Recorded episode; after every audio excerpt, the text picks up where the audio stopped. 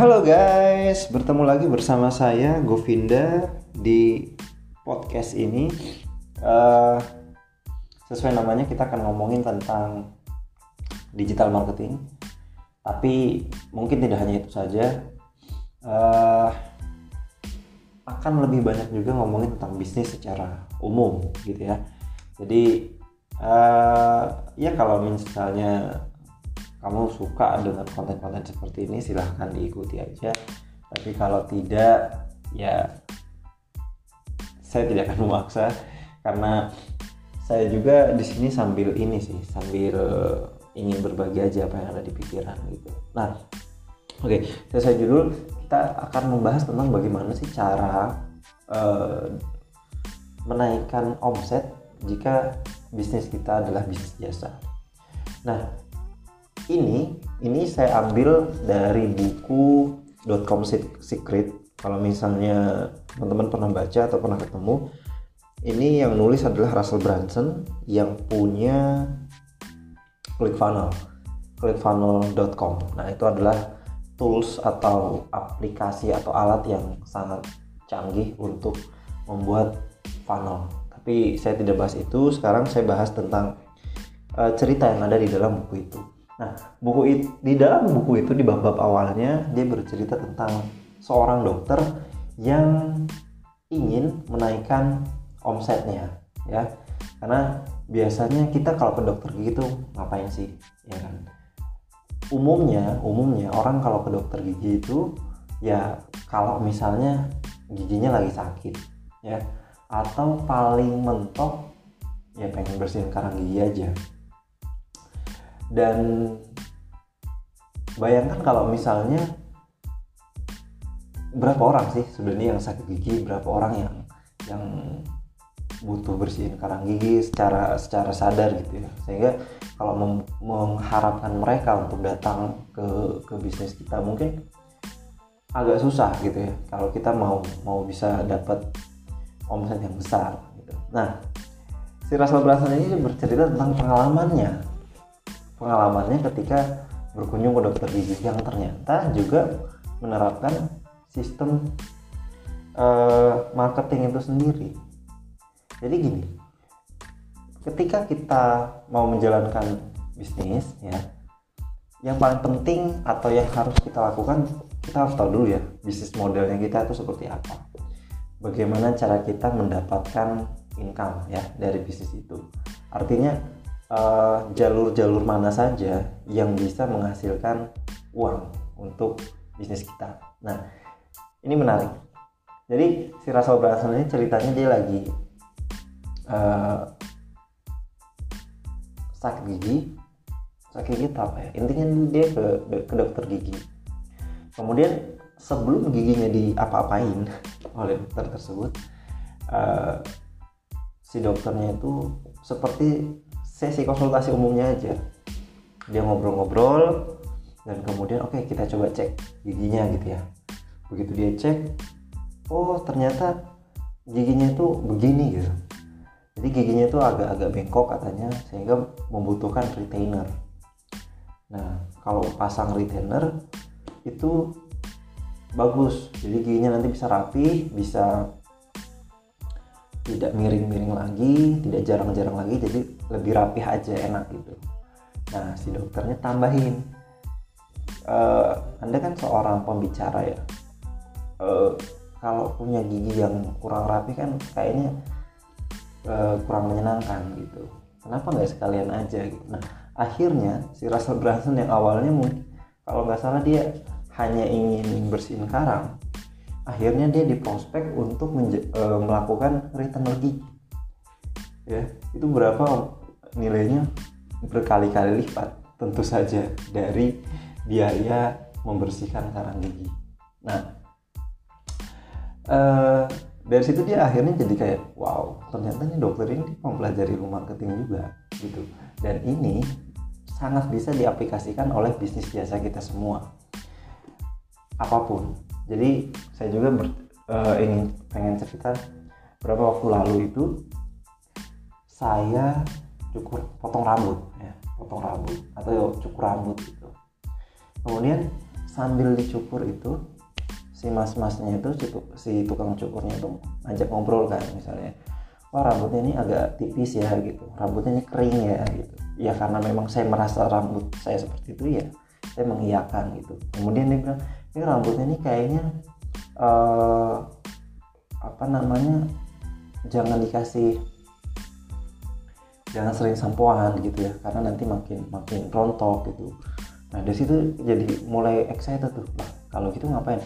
Bagusnya tuh dikasih hair tonic aja gitu untuk menyehatkan rambut gitu. Jadi nanti rambutnya lebat lagi dan segala macam dan segala macam. Nah jadi dia sambil potong rambut dia tuh mengedukasi saya tentang uh, apa yang harus saya lakukan dan apa yang jangan saya lakukan. Tujuannya apa ya tujuannya tidak lain supaya rambut saya itu bisa lebih sehat lagi gitu. Lebih sehat lebih lebat gitu ya dari yang sebelumnya. Nah sekarang anda bayang potong rambut biasa itu 50 ribu. Ini kalau di barber shop ya kalau di tempat cukur uh, asgar misalnya ya bisa lebih murah lagi. Tapi misalnya potong rambut aja itu 50 ribu. Bayangin kalau misalnya uh, sambil potong rambut ini bagusnya pakai ini nih.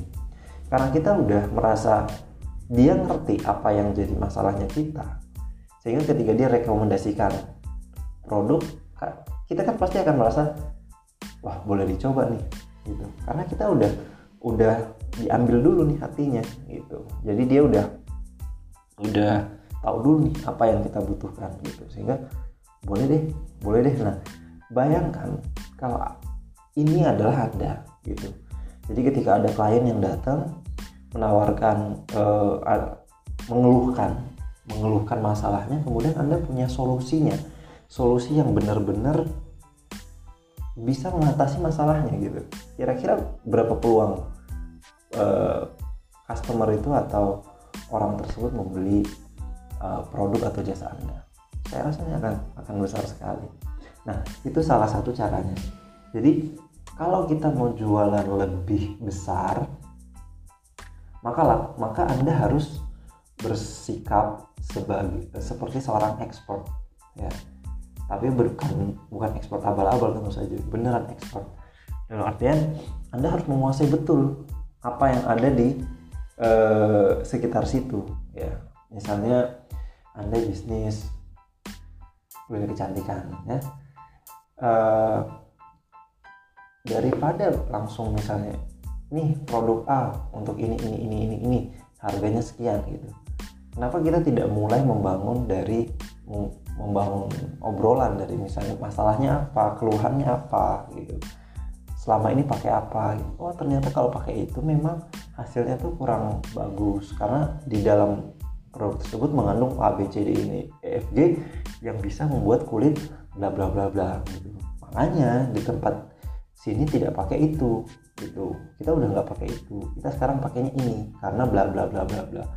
Sesuatu yang menegasikan atau mengabaikan atau menghindari sesuatu yang salah tadi gitu. Jadi orang tuh pasti akan lebih lebih yakin ya kan? Ini juga bisa dilakukan di bisnis insurance misalnya. Ketimbang uh, kita menawarkan misalnya mau nggak asuransi kayak gini? Mau nggak asuransi kayak gini? Nanti kalau ambil asuransi ini bisa dapat uang segini loh. Kalau asuransi gini nanti kalau sakit bisa ini loh. Kenapa kita nggak balik aja gitu? Misalnya kita ngobrol sama orangnya. Uh, kamu tuh punya anak dua misalnya. Udah kebayang nggak kira-kira nanti ketika mereka kuliah mau kuliah di mana?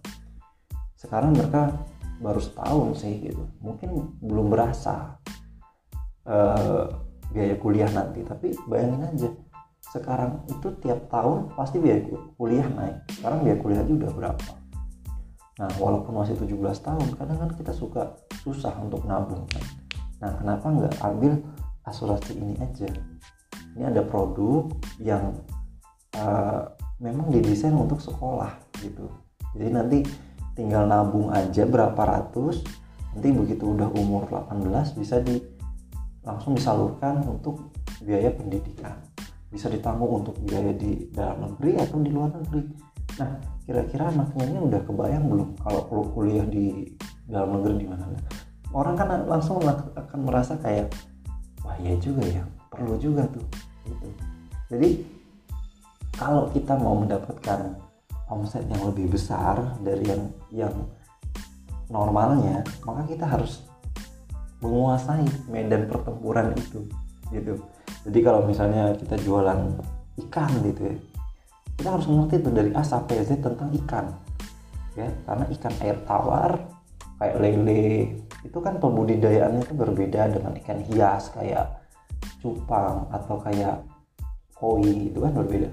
Nah kalau kita ngerti uh, seluk beluknya mengenai itu orang kan biasanya akan datang ke kita. Minimal dia akan konsultasi. Nah begitu orang udah konsultasi kan biasanya kita tinggal sebut aja nih. Oh bapak kalau misalnya mau piara koi bapak bagusnya piara koi yang jenis A misalnya. Karena kalau jenis A itu biaya uh, perawatannya murah gampang gitu ya. Terus uh, tidak mudah mati gitu. Nah di sisi lain tuh uh, kalau bapak jual juga peminatnya banyak. Nah kebayang kan kalau memang itu yang kita katakan kepada orang yang juga suka koi maka kemungkinan besar dia akan beli gitu. Jadi kita harus tahu betul apa yang menjadi problemnya si orang tersebut atau si customer atau audiensnya kita. Dan kita juga mempunyai solusi atau membawa jawaban atas permasalahan itu gitu. Jadi uh, jualan itu menjadi lebih mudah ketika orang itu yang datang kepada kita dibandingkan kita yang datang kepada mereka. Anda bisa bayangkan ketika kita lagi berada di mall atau ada yang datang misalnya nawari alat alat apa ya fitness misalnya gitu. Kita semua pasti setuju ya kalau olahraga itu baik untuk kesehatan. Dan kita semua juga setuju kalau olahraga itu harus rutin dilakukan. Tapi apakah kita mau ujuk-ujuk langsung ditawari pak nih uh, alat kardio ini bagus loh gitu. Bapak mau nggak beli ini? Sekarang lagi diskon lagi. Walaupun dikasih diskon 50% menurutku belum tentu closing gitu. Bahkan mungkin peluangnya kecil sekali. Dan kalaupun ada yang closing bisa jadi karena memang dia sudah sudah tahu manfaat itu dan memang pengen beli. Sehingga di satu sisi si salesnya itu tidak terlalu effort untuk jualan.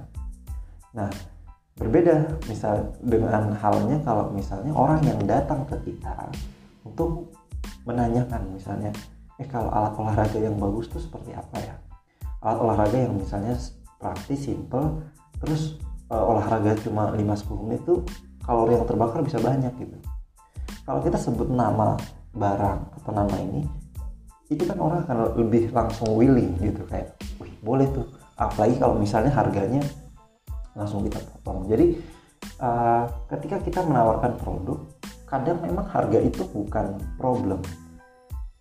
Dalam artian begini uh, ketika misalnya ini ada HP A gitu harganya satu juta taruhlah. Tapi kalau misalnya saya tidak merasa HP itu penting untuk saya maka ya ngapain juga saya beli gitu kan. Walaupun harganya murah. Dibanding dengan misalnya uh, eh, HP yang seharga 10 juta. Tapi saya udah ngerti nih wah ini kayaknya bagus banget nih.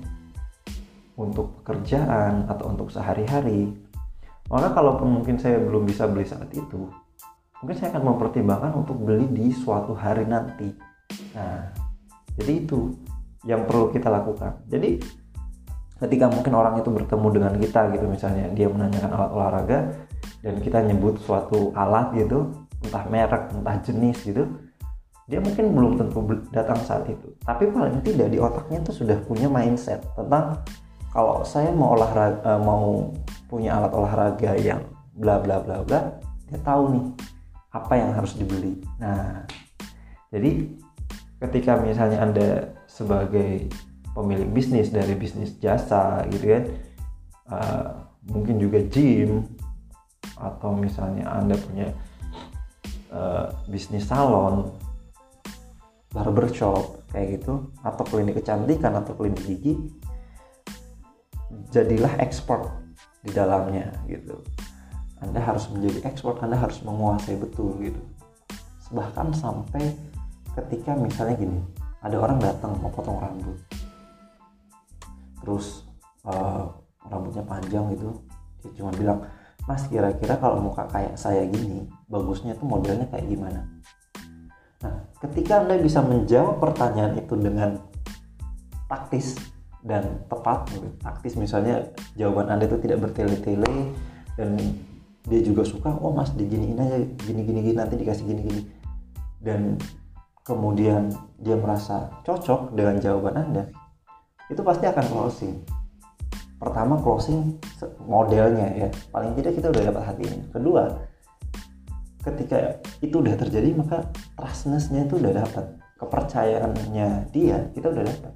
Tinggal kita bilang aja mas ini kayaknya rambutnya bagus dikasih ini deh. Mas rambutnya kayaknya perlu dikasih ini deh mau nggak kalau saya saya uh, mas bawa pulang vitamin ini gitu? Pasti akan ditanya harganya berapa? Kalau misalnya barang itu memang sangat penting menurut dia dia akan tanya harganya berapa misalnya? Oh harganya 100 gitu. Kalau uangnya kurang mungkin dia nggak akan beli. Tapi kalau uangnya ada biasanya dia akan mengusahakan untuk beli.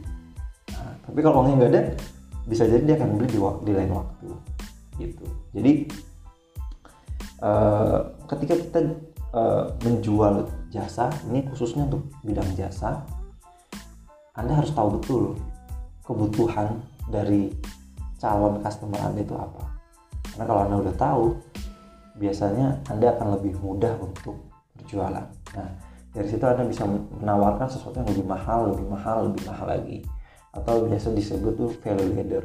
Jadi sesuatu yang murah di depan murah itu sebenarnya untuk pancingan aja selain untuk memfilter ya. jadi misalnya gini ada tukang cukur yang harganya 50.000 ada yang cukur rambut juga yang harganya 25.000 bahkan ada yang cuma 10.000 nah harga itu juga selain untuk menentukan uh, value ya value karena kan di dalam harga itu ada value kan juga untuk memfilter uh, orang-orang dengan kemampuan tertentu kan jadi walaupun 50.000 ini tidak mahal-mahal banget tapi orang yang potong rambut dengan biaya 50.000 pasti orang yang secara penghasilan lebih besar dibandingkan orang yang potong rambut seharga 10.000 gitu. Nah, sehingga di sini kita udah udah dapat uh, qualified customer nih, sedikit qualified customer. Jadi customer yang memang punya kemampuan beli yang lebih tinggi dibandingkan customer di bawah customer yang cukur rambut cuma 10.000 sehingga dengan begitu ketika kita nawarin produk lain yang mungkin harganya tidak jauh-jauh lagi itu akan kemungkinan lebih besar. Gitu. makanya kadang kenapa orang-orang tuh suka jualin misalnya uh, kayak Russell Brunson uh, dia bikin buku dia bikin buku tentang .com secret ini di landing page-nya dia cuma dia tulis dapatkan buku ini secara gratis ganti ongkirnya aja flat. Gitu. Jadi yang saya bayar itu ongkirnya aja seakan-akan gitu. Dengan ongkir flat. Jadi ke seluruh dunia itu harganya sama. Ada yang harga Amerika sekian belas dolar hanya belas dolar. Ada yang ke worldwide. Jadi seluruh seluruh dunia itu berapa dolar gitu. Jadi kalau nggak salah selisihnya cuma 5 dolar gitu nah dari situ nanti kita baca bukunya. Nah di dalam bukunya itu juga dia dia ada offer-offer lain. Ada penawar-penawaran lain ke bisnisnya dia yang lain lagi yang lebih mahal lagi. Nah nanti di dalam situ lebih naik lagi. Nah kalau kita udah tahu gini berarti nanti nggak laku dong? Nggak juga. Nah karena itu kita itu butuh solusi gitu. Sekarang gini misalnya ada orang yang ngajarin anda uh, ilmu bisnis lah atau anda anda diajari sesuatu anda ngeluarin duit uh, ngeluarin duit modal misalnya eh, sepuluh ribu. Setelah anda ngeluarin sepuluh ribu ternyata anda bisa menghasilkan lima puluh ribu. Ya kan? Terus orang itu datang lagi mau nggak saya kasih tahu kamu caranya dapatin 500 ribu? Tapi kamu kasih tapi biaya pendaftarannya 100 ribu. Karena kita udah berhasil diajarin dari 10 ribu ke 50 ribu kan kita pasti tertarik ya. Wah, boleh juga dan kemudian kita berhasil dapat 500 ribu setelah ikuti setelah bayar 100 ribu gitu. Terus kita didatengin lagi mau nggak saya kasih tahu kamu caranya dapatin uh, eh, 5 juta tapi syarat apa biaya pendaftarannya 500 ribu. Kalau anda uh, kira-kira bayar nggak? Kalau saya pasti bayar. Jadi walaupun saya tahu nih setelah ini akan dijualin lagi akan dijualin lagi tapi ketika itu worth it dan ketika itu memang benar-benar sesuai janji. Ya kenapa tidak? Ya kan? Jadi uh, jual menjual itu sesuatu hal yang umum dan lumrah yang nggak boleh itu kan nyepam. Ketika kita uh, menawarkan berkali-kali kepada orang yang sama padahal dia udah merasa saya nggak butuh atau saya tidak merasa penting. Atau memang uh, barang itu saya nggak suka saya nggak mau aja gitu. Nah kalau kayak gitu berarti mungkin ada yang salah di kita. Bisa jadi kesalahannya itu adalah uh, salah nargetin orang aja. Memang bukan dia aja audiensnya. Kayak gitu. Nah kurang lebih seperti itu. Ini udah panjang banget udah 21 menit. Nah, semoga menjawab uh, kira-kira bagaimana caranya. Dan uh, buat kamu yang pengen diskusi dengan saya silahkan kunjungi instagram saya di @kovinastro sampai jumpa di podcast berikutnya